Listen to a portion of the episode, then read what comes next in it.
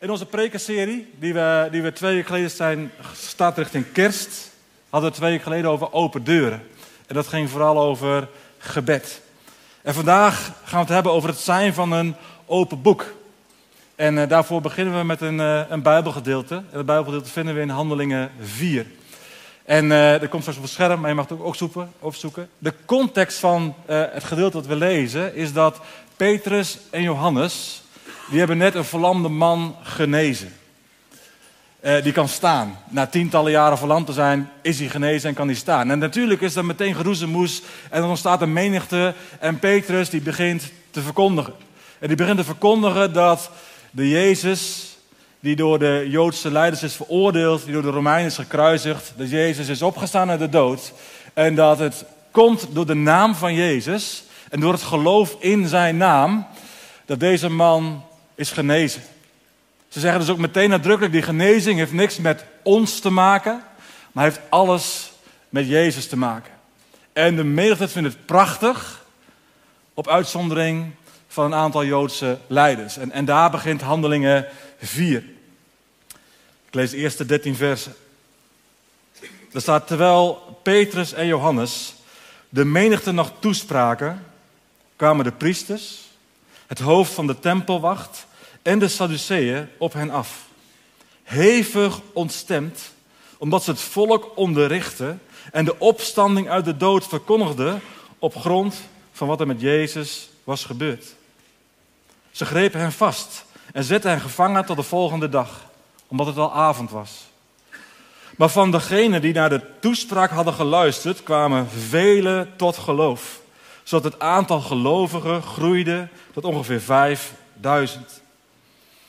En de volgende dag kwamen de leiders, de oudsten en de schriftgeleerden bijeen in Jeruzalem.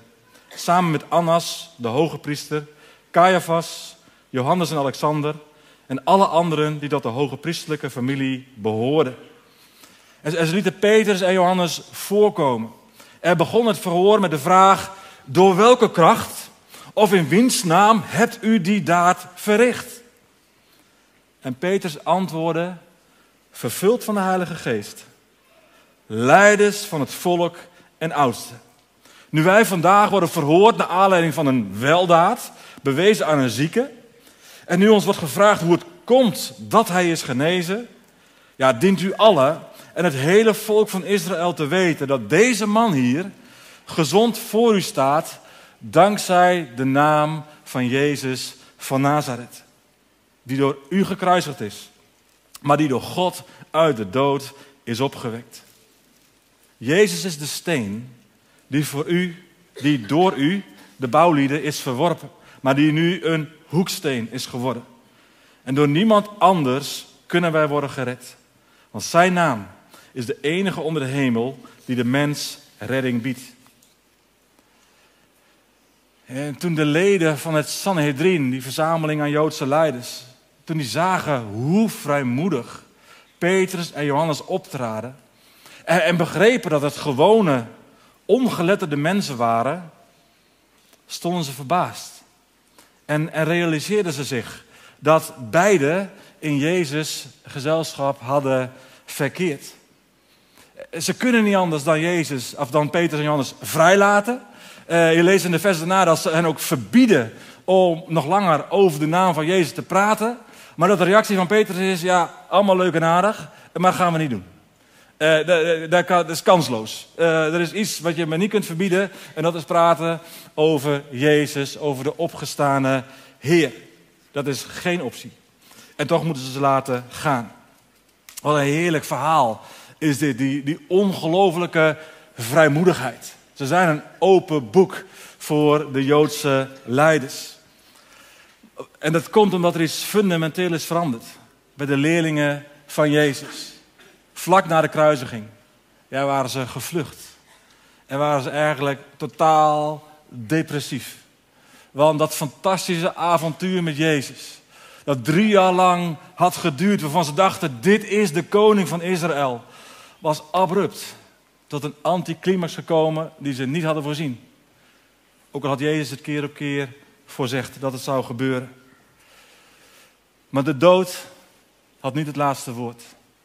De leerlingen die ontmoeten de opgestane Jezus. En we lezen in de handelingen in het begin dat ze nog 40 dagen met hem optrekken, waarin hij met hen spreekt over het koninkrijk van God.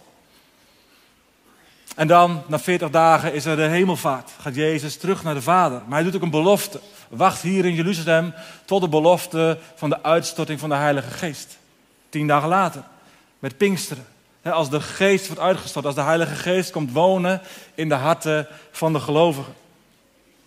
En hier, in Handelingen 4, ja, getuigen ze vrijmoedig van Jezus, die de dood heeft overwonnen. Ze zijn een open boek voor wie het maar wil lezen. En het maakt niet uit wie ze voor zich hebben. Of het nu medevolgelingen van Jezus zijn, of het de buren zijn, of het geïnteresseerden zijn, of het tegenstanders zijn die het allemaal heel anders zien. Het enige wat ze kunnen is getuigen van het fantastische nieuws dat Jezus Christus is opgestaan uit de dood. Of wat ze hebben meegemaakt en wat ze geloven. En als ik deze geschiedenis gewoon rustig op me laat inwerken eh, en ook probeer te onderscheiden, maar wat zien we nou? Wat maakt hun nou tot zo'n open boek? Tot zulke ongelooflijke vrijmoedige mensen die eigenlijk niet kunnen stoppen met spreken over Jezus. En, en, en, zitten daarin dan ook sleutels die jou en die mij ook kunnen helpen? Tot het, tot het worden van, van, van nog meer een open boek. Ook naar de mensen om ons heen. En twee cruciale sleutels, die wil ik graag met je bespreken. De eerste is eigenlijk het zinnetje waar we lezen: Petrus antwoordde, vervuld door de Heilige Geest. Petrus antwoord. Bij antwoord vanuit het feit dat hij vervuld is door de Heilige Geest. Hij is tot een, tot een, een diep verstaan gekomen van, van de ware bedoeling van Jezus naar deze aarde. Het lijden en sterven van Jezus was niet zinloos. En het was niet het einde. Maar het lijden en sterven van Jezus, gecombineerd met de opstanding, zou ieder mens juist tot het meest zinvolle leven kunnen leiden. Voor eeuwig. Zoals Petrus zelf zegt, door niemand anders kunnen wij worden gered. Dat geldt ook voor jou en mij. Want, want zijn naam, de naam van Jezus, is de enige onder de hemel die de mens redding brengt. Maar, maar Petrus wist ook dat, dat Jezus na zijn opstanding weer naar de Vader was gegaan. Juist ook om de komst van de Heilige Geest mogelijk te maken. En die, de Heilige Geest, maakte alle verschil. Daarna, in de woorden, in de werken, in de wonderen die Petrus, Johannes en ook de andere discipelen deden. Petrus antwoordde, vervuld door de Heilige Geest. En dat maakt alle verschil. Ben jij, zoals je hier zit, vervuld door de Heilige Geest? Woont de Geest van God in jou? En die komt in je wonen op het moment dat je je vertrouwen stelt op Jezus, op zijn lijden, sterven en opstanding. Dat je zijn geloof in zijn naam uitspreekt. Maar kun je ook als je, als je terugkijkt op je christenleven, kun je dan ook zien dat de Heilige Geest invloed heeft, impact heeft op wie je bent en op wat je doet. Is het werk van de Geest zichtbaar in jou en door jou heen? Is hij zichtbaar in mij en door mij heen? En hoe werkt dat dan? Nou, ik hou ervan om dingen simpel te houden. Je zou kunnen zeggen, je hebt de vrucht van de geest, zoals het in de Bijbel staat in Galaten. En je hebt de gave van de geest. Nou, doordat de vrucht van de geest kan gaan groeien, gaan we qua karakter meer en meer lijken op Jezus. De gezindheid van Christus, zoals de Bijbel ook wel noemt. Dus als we de geest ruimte geven in ons leven om te spreken, om dingen aan te raken, om dingen heel te maken. Want man, wat zijn we soms verwond geraakt in het leven. Door wat we zelf hebben gedaan, de keuze die we zelf hebben gemaakt, door wat andere mensen hebben gedaan en andere mensen hebben gezegd tegen ons dan is daar heelheid nodig. Maar als daar heelheid komt, als het goed is, gaat ons karakter meer en meer lijken op Jezus. Door de vervulling van de geest. En is dat zo? Af en toe hebben we dat gewoon wel even een soort van te, te meten. Als je terugkijkt, vijf jaar geleden, tien jaar geleden, één jaar geleden. Kun je dan zeggen, ja, er is in mijn leven, er is in mijn karakter meer vrede. Meer vreugde. Meer goedheid. Meer geduld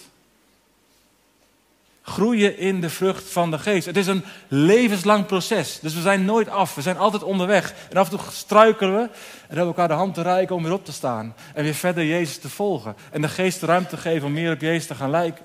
Maar het begint bij ons karakter. Door de vrucht van de geest in ons. En het tweede zijn de gaven van de geest. Dat we, is dat we niet alleen qua karakter meer op Jezus gaan lijken, maar ook qua daden. De gaven van de geest, de bovennatuurlijke werking van de geest, die ook door ons heen wil werken. En die woorden van leven wil spreken. Die, die zelfs wonderen wil doen. Door jou en door mij heen. En dat is fantastisch.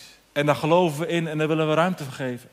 En tegelijkertijd willen we ook benadrukken dat het groeien in kracht, de gaaf van de geest, is alleen maar bestendig en zal alleen maar structureel vrucht dragen als het gepaast gaat met groei in karakter.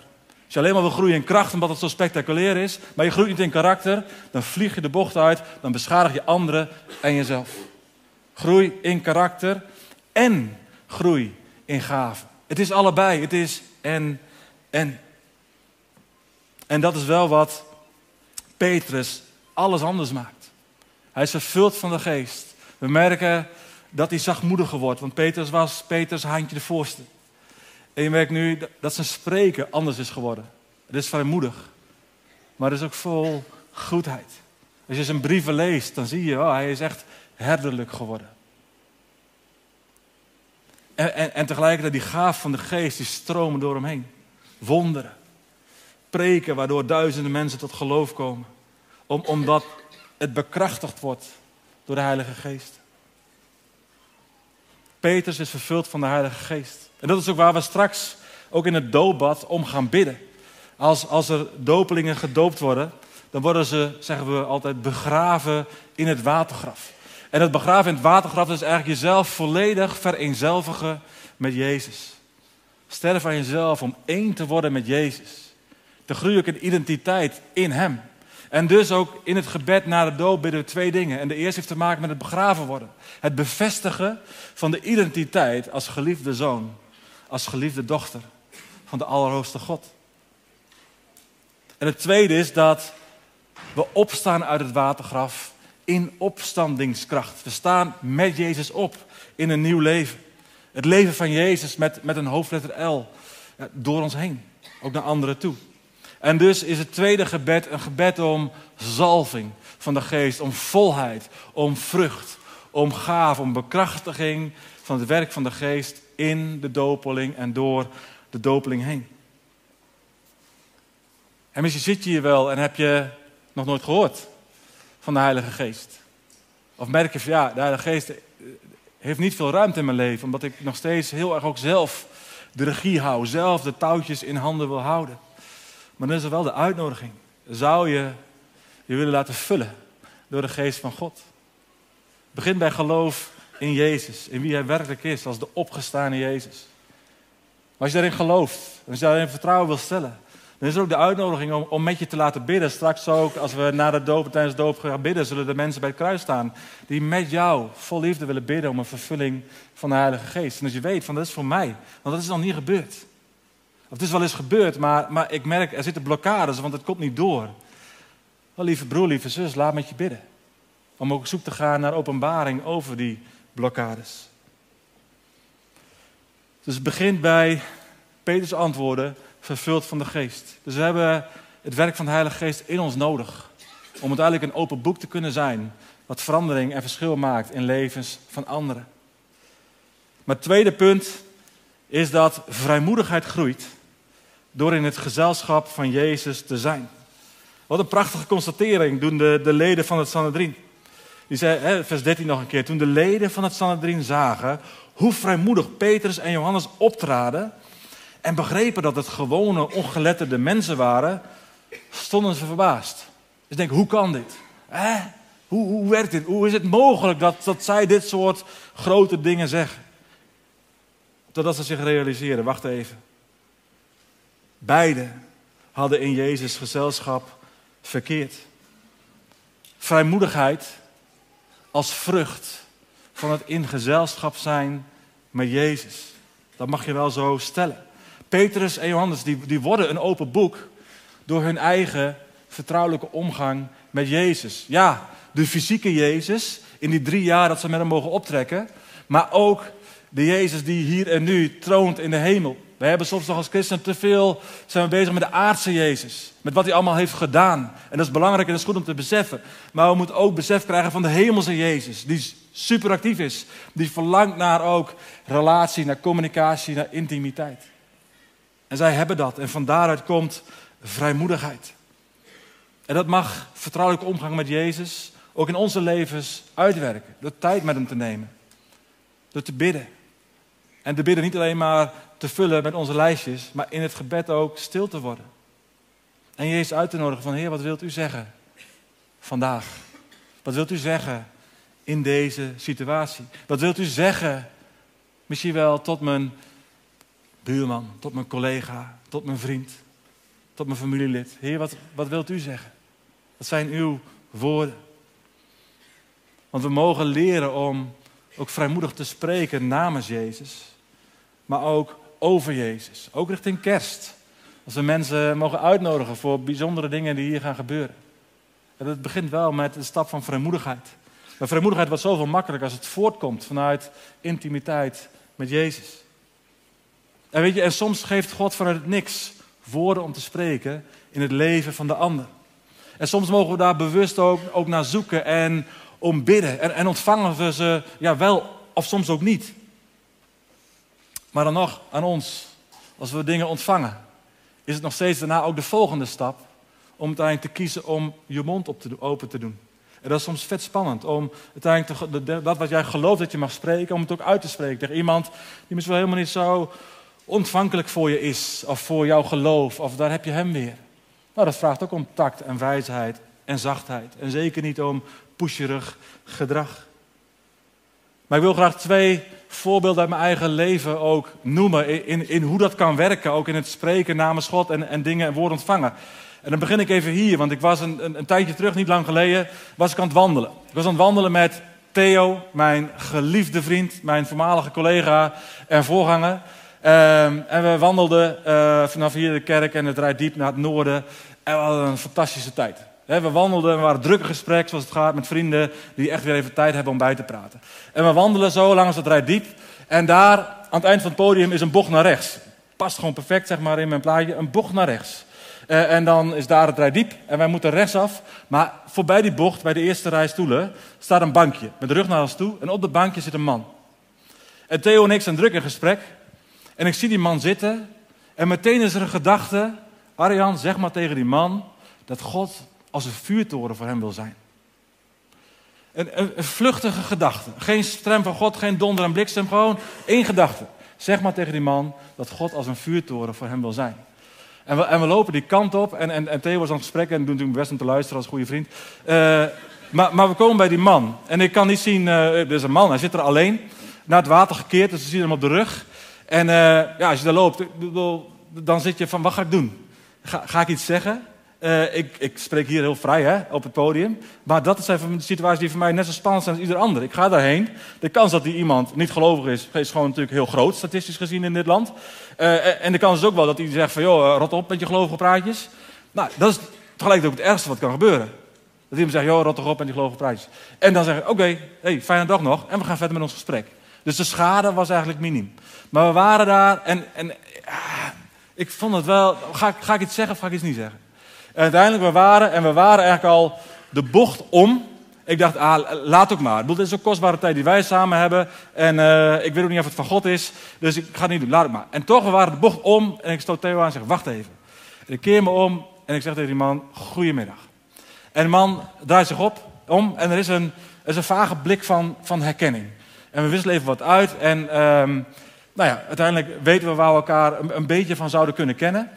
En uiteindelijk zeg ik van, joh, toen ik je zag zitten, toen kreeg ik meteen de gedachte dat ik, dat ik gewoon mocht zeggen tegen je eh, dat God zo graag als een vuurtoren voor wil zijn. En we raakten aan de praat. Uh, en een minuut of tien gepraat. En het ging diep. En want er was een enorme storm in het leven. En God was zeker geen vuurtoren. Sterker nog, de vraag is: waar was God? Voor hem. En het was een intens mooi gesprek. En ik had natuurlijk mazzel. Ik had Theo bij me. Dus alle mooie, diepe, grote wijsheden, die werden gewoon aangevuld. Dit is gewoon één tip. Als je gaat wandelen, neem Theo mee. Dus stel je voor dat je iemand tegenkomt, dan kun je altijd zeggen... Theo, wat, wat, zou jij, wat vind jij, wat denk jij dat uh, God wil zeggen? Zal hij blij mee zijn. Maar, uh, maar het ging diep. Ik geloof echt dat het een goddelijke ontmoeting was. Waar we woorden van leven hebben mogen spreken. Waar we de focus nou ja, mogen aangeven. Volgens mij heb je ergens anders naar te kijken. En ergens anders tegen te strijden. En uiteindelijk, na tien minuten, hebben we hem gezegend. En gingen we weer verder. En gingen we weer verder in gesprek. Een korte ontmoeting. Maar ik geloof wel dat het een goddelijke ontmoeting was. En uh, denk anderhalf week later uh, fietste ik vanuit huis. In Pijzen wonen we. Fiets ik uh, de onlanden in uh, om vogels te gaan kijken. Ik moest er even uit. Gewoon even op een avond nog. Toen was het nog licht. Nee, het was eind van de middag denk ik. En ik wou even vogels kijken. En mooi van in Hollanden, daar heb je... Ik, ik heb wel een verrekijker, een goeie, maar ik heb niet zo. Ik, kan, ik, weet wel wat voor vogels, maar ik ben geen professional. Hè? Dus ik zit daar en dan zie je altijd mensen met zulke lenzen. die staan daar, dus dan ga ik altijd even naast staan en zeg ik altijd: is hier nog iets bijzonders te zien? En ik krijg altijd mooie dingen te horen als ja, de geoorde fut. Dan denk ik, oké, hoe zien die oren er dan uit? Want ik weet al dat een fut dit soort dingen heeft. Ik weet al hoe een fut eruit ziet. Maar wat is dan de geoorde fut? Die is bijzonder, die is schaars, die is speciaal. En andere vogels. En op een gegeven moment stonden we daar op zo'n bruggetje, een paar mensen. En ik ging erbij staan en we gingen wat vogels kijken. En over we alle mooie waarnemingen hebben. En één voor één verdwenen. Ik bleef over met een, met een vrouw. Een iets oudere vrouw. Mag ik wel zeggen, ze was echt nog wel een stukje ouder dan ik. En ik word al oud gevonden, dus het was een oudere vrouw. En we raakten even aan het gesprek en op een of andere manier, en dat is bij mij nooit helemaal toevallig, maar kwam het erop dat ik werkte in de stadskerk. En dat ik dus gelovig ben en dominee ben, of voorganger. En, ehm, en we kregen erop dat zij, zij was ook vroeger wel kerkelijk opgegroeid. Ze had de kerk eigenlijk losgelaten, ze had het geloof losgelaten. Maar ze kon wel enorm genieten van de schepping. Dat waren de woorden die ze zelf gebruikte. En in dat gesprek, het was een mooi, mooie ontmoetingje, werd ik uiteindelijk terugkijkend ja, ik was heel erg horizontaal vanuit mijn ziel aan het proberen om in verbinding te zijn. Maar ik had nagelaten in het gesprek om te zoeken naar, maar heer, wat wilt u eigenlijk zeggen? Er kwam geen plotseling zinnetje zoals dat bij die man wel was. Er kwam eigenlijk niks. En uiteindelijk, we praten nog wat verder. En, en het, uh, het ronde af en ik moest ook weg en ik ging weer naar huis en ik zei, joh, uh, tot ziens. En ik fietste naar huis en het laatste stukje naar huis dacht ik, ik heb iets gemist. Dit was een ontmoeting waar volgens mij veel meer het leven van Jezus in had mogen stromen. En, en ik ging bidden van Heer, volgens mij heb ik gewoon een kans laten lopen. En Heer, maar wat had ik dan, wat had ik dan mogen zeggen namens u? En bam, bam, bam, daar kwamen de woorden. Arjan, je had mogen zeggen, joh, lieve vrouw, ik had, zo had ik haar waarschijnlijk niet aangesproken. Mevrouw. Zoals u geniet van de schepping, zo geniet de schepper van u. En ik geloof dat, dat God in de hemel een uitnodiging doet naar u. Om wat dichterbij te komen. Omdat hij zo graag relatie met u wil. Ik wist dat dat de woorden waren die gesproken hadden kunnen worden. Het waren mooie woorden, het waren diepe woorden, maar ze zijn niet gesproken. En dat, dat, dat mee naar huis nemen, het werd dan ook mijn gebed van Heer, ik wil geen kansen meer missen. Want de ene week heb ik een fantastische goddelijke ontmoeting. En de andere week, eigenlijk alles staat voor. Hij, hij ligt, de bal ligt voor open doel, bij wijze van spreken. En, en ik stem gewoon niet af. En het was een mooie ontmoeting, maar het had volgens mij nog zoveel meer kunnen zijn dan een mooie ontmoeting. Heer, ik wil hierin groeien. Ik wil gewoon nog meer ontvankelijk zijn en ook in de ontmoetingen die ik heb, nog meer ook tijdens ontmoetingen. Gewoon die schietgebedjes. Heer, wat wilt u zeggen? Heer, hebt u woorden van leven, hebt u woorden van kennis, hebt u woorden van openbaring die ik gewoon mag spreken. En waar ik ook leven mee mag brengen. Of het nou ontvangen wordt of niet, dat is uiteindelijk ook aan de ander. Dat heb je ook te respecteren. Als iemand zegt, joh, ik heb hier geen behoefte aan, dan heb je dat te respecteren. En dan moet je niet doordrammen. Dan moet je zeggen, joh, oké, Fijne dag nog. Dus één goddelijke ontmoeting. Eén gemiste kans. En hoe is het voor jou? Is het, komt het voor dat je ervaart dat je woorden van leven mag spreken? Dat je daarin ook gewoon het aandurft om een open boek te zijn van jouw geloof in Jezus? Laten we kansen liggen? Ik denk het wel. Omdat ik denk dat soms de zinnetjes die zomaar voorbij komen we niet herkennen. En we ah, ik weet niet of dat wel van God is. En pff, kan me zo'n ingewikkelde situatie leveren. Laat maar gaan. Ik denk dat de Heer ons uitnodigt om, om daarin uit te stappen en te vertrouwen. Dat, dat als je bidt voor het goede in het leven van de ander, dat God dat wil bevestigen. En ons daar ook in wil laten vrucht dragen. Dus ook richting kerst bid ik dat we vrijmoedig mogen zijn. Uh, actief mogen zoeken naar woorden van leven. Om het eigenlijk ook maar gewoon uit te spreken naar de mensen die God op ons pad brengt. Amen.